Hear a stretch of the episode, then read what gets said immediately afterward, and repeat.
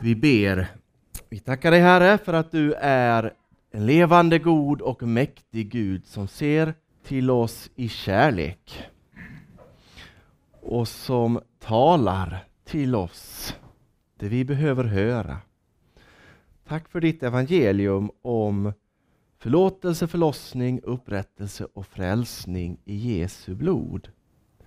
Tack för ditt evangelium om att döden är besegrad, Kristus är uppstånden. Samla nu våra tankar och öppna våra hjärtan.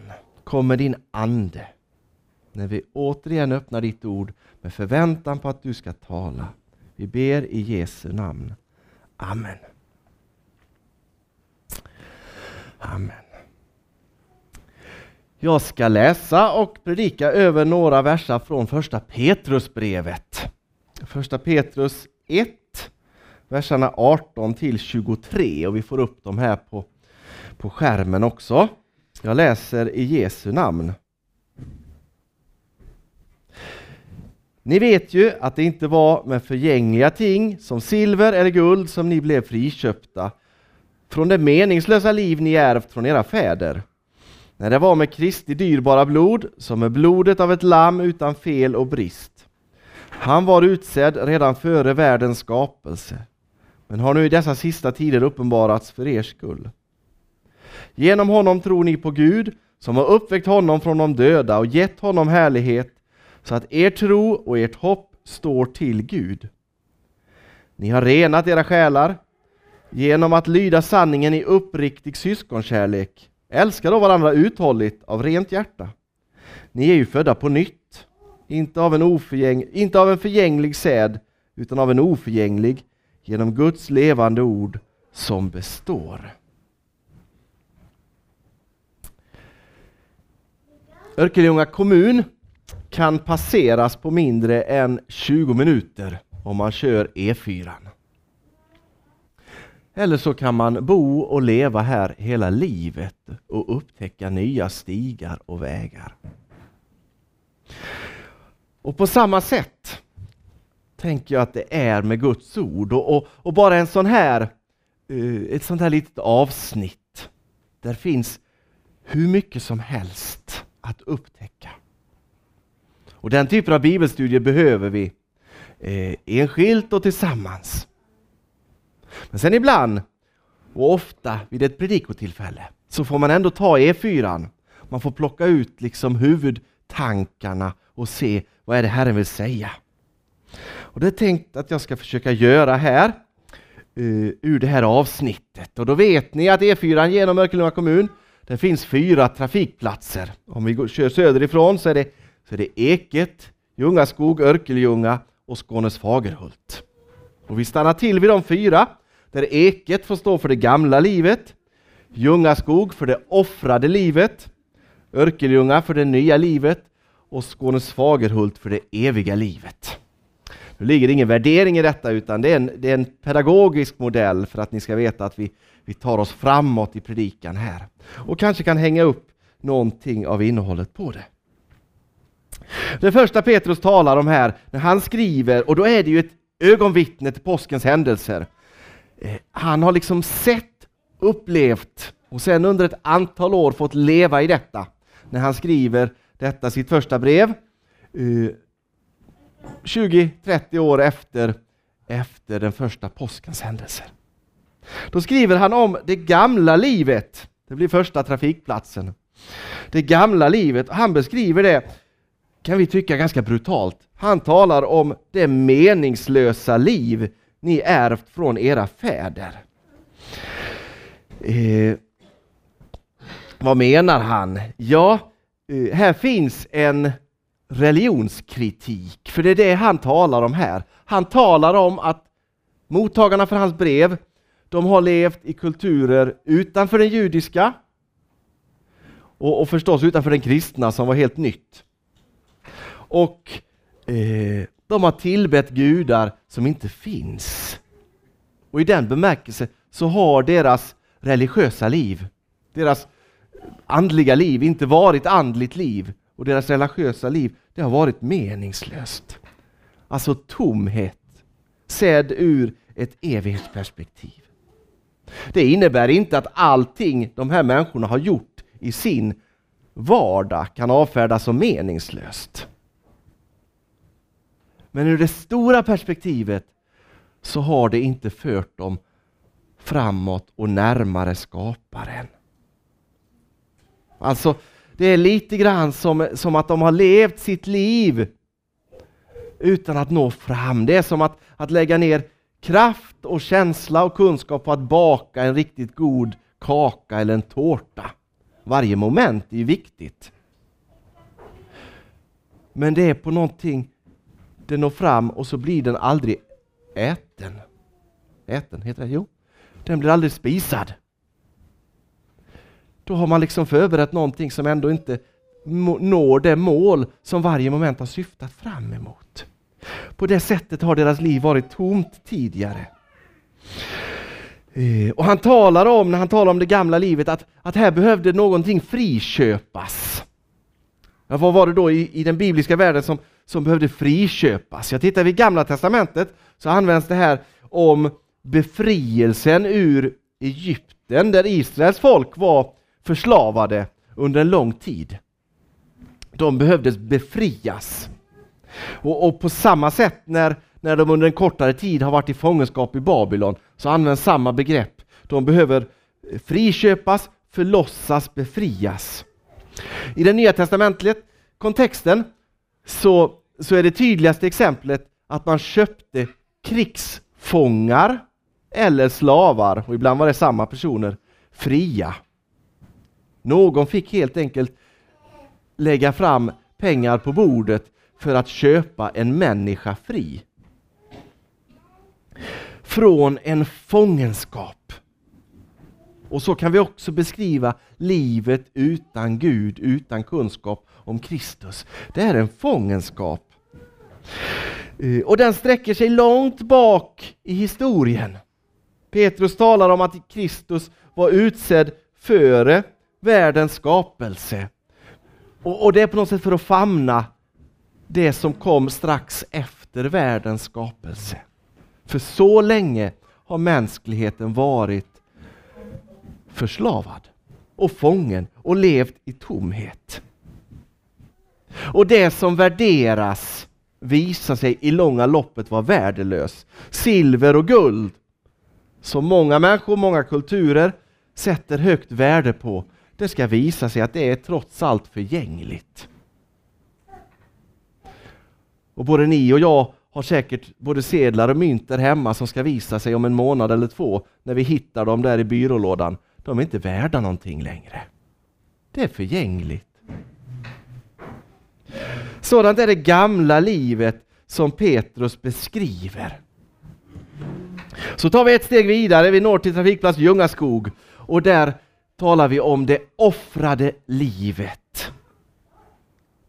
Petrus, han skildrar det vi har fått fira under stilla vecka, långfredag, påskdag och, och fortsätter fira. De här enorma händelserna och det är ögon, ögonvittnet, han var med när han berättar om hur Kristus köpte fri med sitt dyrbara blod. Det är inte symboliskt. Utan det är en man som skriver detta som har sett sin bäste vän hänga på ett kors och dö. Han vet att detta kostade enormt mycket. Den befrielse som Petrus, som Israel och som alla människor behövde och behöver, den kostade oerhört mycket. Ni är friköpta med Kristi dyrbara blod, som är blodet av ett lamm utan fel och brist. Lammet. Vad förstår vi av det? Ja, vi vet vad ett lamm är, hur det ser ut. Men på vilket sätt var Jesus ett lamm? Tre bilder från Gamla Testamentet som ligger i detta, som har förebildat, som har förutsagt Jesu död. Det är lammet som dödades för att blodet skulle strykas på dörrposterna strax innan, för befri, strax innan befrielsen från fångenskapen i Egypten. De kunde tänka på hur det blodet från ett lamm räddade undan död och dom. Men det finns också alla de lamm som offrades i den judiska gudstjänsten. Först i tabernaklet och så småningom i templet. Många, många tusen lamm som offrades i den judiska gudstjänsten som rening för synd. För synden, den finns där och håller oss fångna. Den finns i dig, den finns i mig, den finns i varje människa. Och vi behöver befrias från den. Och blodet renar från synd. Det kan tempelgudstjänstens alla offer påminna oss om, liksom de pekar fram emot Jesu blod på korset. Och så Jesaja 53 som vi hörde här från barnen också. Där det berättas om lammet som bär allt för vår skull och förs bort till slakt. Med blodet av ett lamm utan fel och brist. Han var utan fel och brist.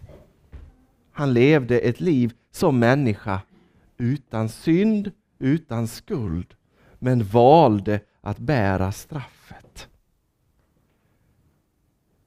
Genom honom tror ni på Gud som har uppväckt honom från de döda och gett honom härlighet så att er tro och ert hopp står till Gud. För det slutar inte på korset. Även om segern, den största segern vinns där, så bevisas den segern i kraft när Jesus uppstår från de döda. Han väcks upp och blir levande igen.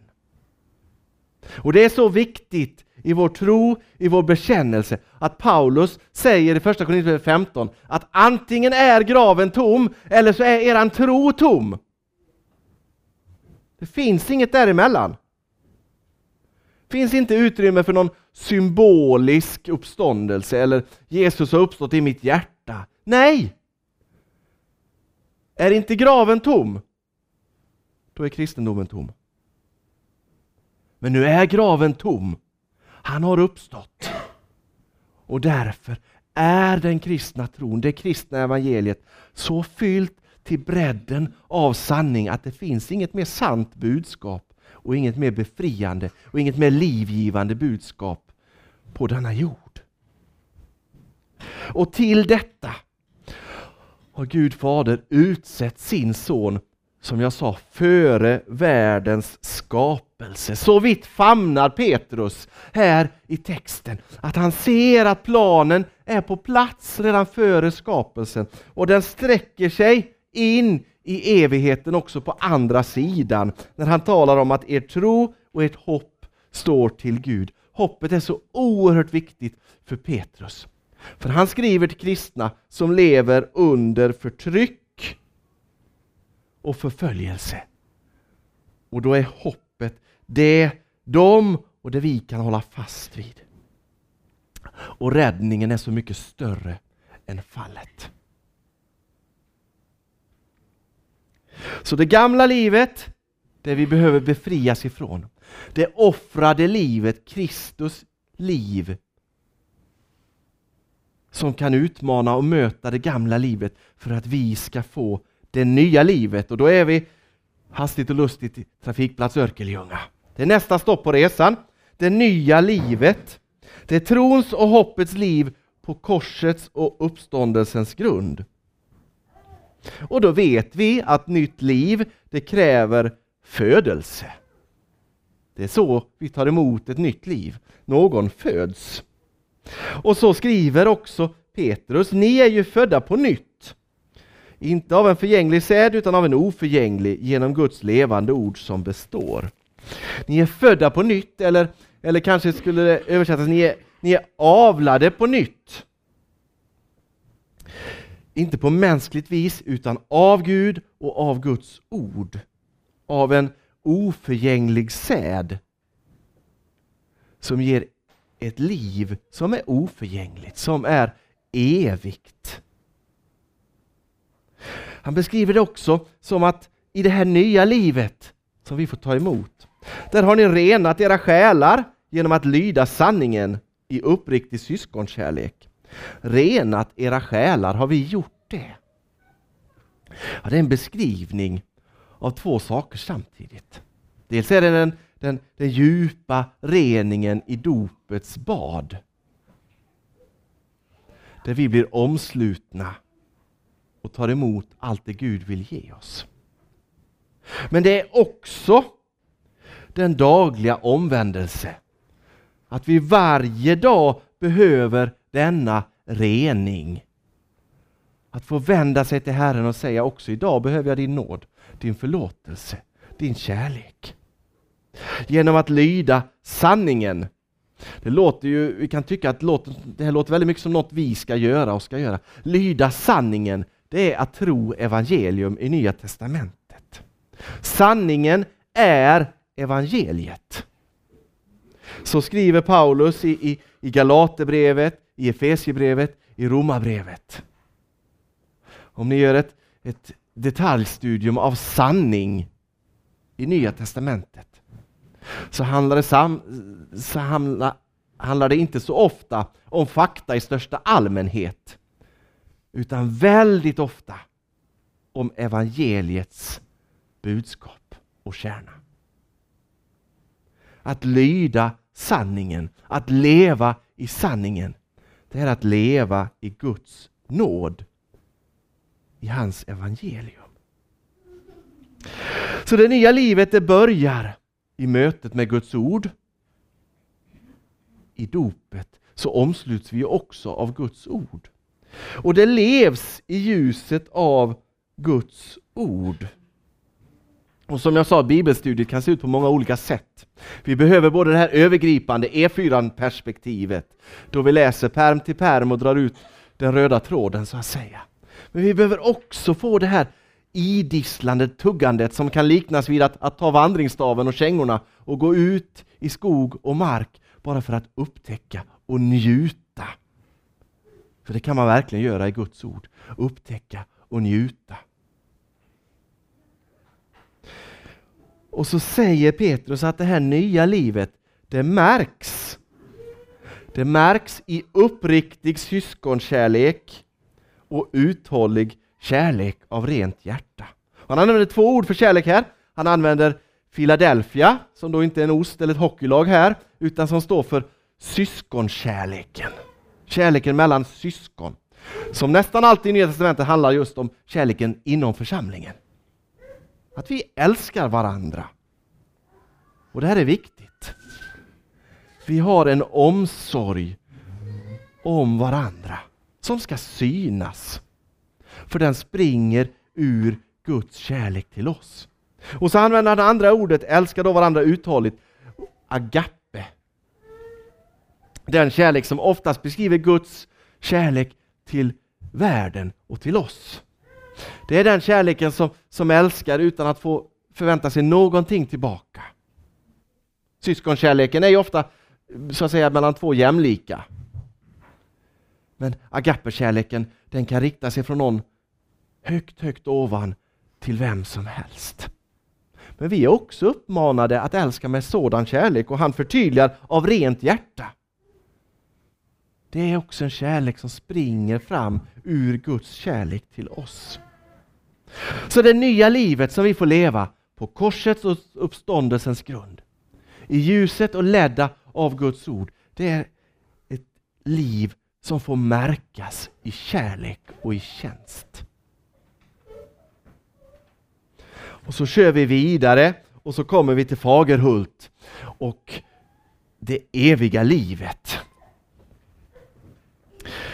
Alltså E4 här igenom vår kommun, den utgör en sextiondel av E4ans hela sträckning genom landet. Det är inte särskilt mycket. Och ändå, i jämförelse med hur stor del vårt liv här, inte bara i Örkelljunga utan vårt liv här på jorden, utgör i evighetsperspektivet. Så är, riks, så är Europavägen ändå en ganska stor del. Alltså, vi behöver ha det här perspektivet att vårt liv här, det är oerhört kort jämfört med det som vi är lovade. En evighet. Se på Facebook och på, på internet ibland sådana här listor över 200 filmer man ska se innan man dör eller Eh, 100 platser man ska besöka innan man dör och så vidare. Och, och jag sa till någon, jag skulle vilja skriva en bok, 2000 saker jag ska göra efter jag har dött. För då kommer vi ha tid. Och då kommer vi ha möjlighet att göra det som gör oss glada. Vi vet inte exakt hur det livet ska vara, men vi vet att det kommer vara helt fantastiskt. Så det du vet att det här tycker jag är det mest fantastiska i denna värld. Om det handlar om att fjällvandra, eller spela fotboll, eller sjunga i kör, så kan du på något sätt få vila i att större än så, större glädje än det, ska jag få uppleva i evigheten. Och om du inte kan fjällvandra, spela fotboll eller sjunga i kör, men skulle vilja, så har vi en evighet på oss att göra det. Bo Giertz han sa i en intervju en gång när han var mycket gammal, den gamle biskopen i Göteborg, jag fick frågan vad, vad, vad skulle du vilja göra i himlen? Och han sa att jag har aldrig kunnat sjunga i stämmor. Det ska jag snart få göra. Och på ett sätt kan bilderna vara lite, lite barnsliga. Men vi är ju Guds barn och han vill oss bara gott. Och han lovar oss ett evigt liv. Och han vill hjälpa oss och Petrus vill hjälpa oss att se det perspektivet och därför är hoppet så viktigt. Står ingenstans i Bibeln att lidande är lätt. Står ingenstans i Bibeln att det är att det är enkelt att möta problem och svårigheter här. Och ännu mindre att vi skulle slippa det. Men det står att perspektiven är sådana att de väger lätt i jämförelse. Och det kan Petrus skriva till förföljda kristna i, i, i nuvarande Turkiet. Och, och det kan han skriva till oss som kommer att få se det här mer och mer i vårt samhälle. Som kristen, som Jesus troende i Sverige idag, så tillhör du en oönskad minoritet. Och det kommer bli tydligare. Men du har det eviga livet. För det har Kristus vunnit åt oss på korset. Och vi ska få gå efter vår uppståndne Herre. För vi är födda av en oförgänglig säd till ett evigt liv. Och när Petrus, när Petrus pekar på detta att Kristus var utsedd redan före världens skapelse men har i dessa sista tider uppenbarats för er skull. Vilka är då dessa sista tider? Pekar det på att, att Petrus trodde att, att han skulle få se återkomsten? Nej, det stryker under att det som Kristus skulle göra nu står färdigt. Luther han säger det, att, att de yttersta tiderna vilka Petrus talar om här syftar på nådens tid, då evangelium efter Kristi himmelsfärd predikas. Vi lever i den yttersta tiden i den bemärkelsen att frälsningen står fast och är fullbordad. Vi lever i den yttersta tiden som är nådens tid då detta ska predikas för fler och fler och fler. Och vi lever i den yttersta tiden då detta har blivit uppenbarat. Petrus har strax innan här skrivit att det var denna frälsning som profeterna sökte och forskade efter, de som profeterade om den nåd som ni skulle få. De försökte förstå vem eller vilken tid Kristi ande i dem syftade på när han förutsade Kristi lidande och den härlighet som skulle följa. Och det uppenbarades för dem att det inte var sig själva utan er som de tjänar med sitt budskap. Alltså, förstår ni? Vi kan läsa Jesaja och tycka, tänk att han fick se detta många hundra år innan Jesus kom. Men skulle vi möta Jesaja så skulle han säga, det är ju ni som är lyckliga för ni har ju fått se detta. Vi som höll på där liksom 800-talet, 700-talet, 600-talet före Kristus. Vi fick tjäna Herren, vi tjänade Herren, vi gjorde vad han kallade oss att göra. Vi skrev ner de här fantastiska profetiorna, men fick vi se dem gå i uppfyllelse? Nej, det var er vi tjänade. Det är ni som har sett honom korsfäst, uppstånden. Det är ni som lever i nådens tid och får gå ut och förkunna detta. Inte bara längs E4, inte bara i Örkelljunga kommun, utan ut över vårt land och ut över världen. Låt oss be om Guds nåd att göra detta. Ja, herre, vi tackar dig för att du genom din död och uppståndelse har befriat oss från det gamla livets fångenskap. Fångenskapen i mörker, i synd, i dödens välde. Vi tackar dig för att du offrade livet för att friköpa, befria oss och gav oss ett nytt liv. Ett nytt liv som vi får leva i ljuset av ditt ord och i tjänst och kärlek till medmänniskan. Och vi ber att vi ska kunna leva detta. Trygga i hoppet, trygga i dina löften om att vi går en härlig, ljuvlig, fantastisk evighet till mötes. Och medan vi lever i denna nådens tid. Hjälp oss så att när vi drabbas av lidande och förföljelse, vi har blicken fäst på dig och vi fortsätter tjäna i kärlek.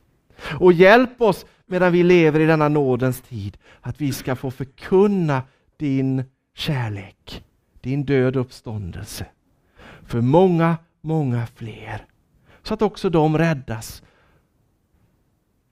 från det gamla livet, från det meningslösa, tomma livet och från en ännu värre evighet.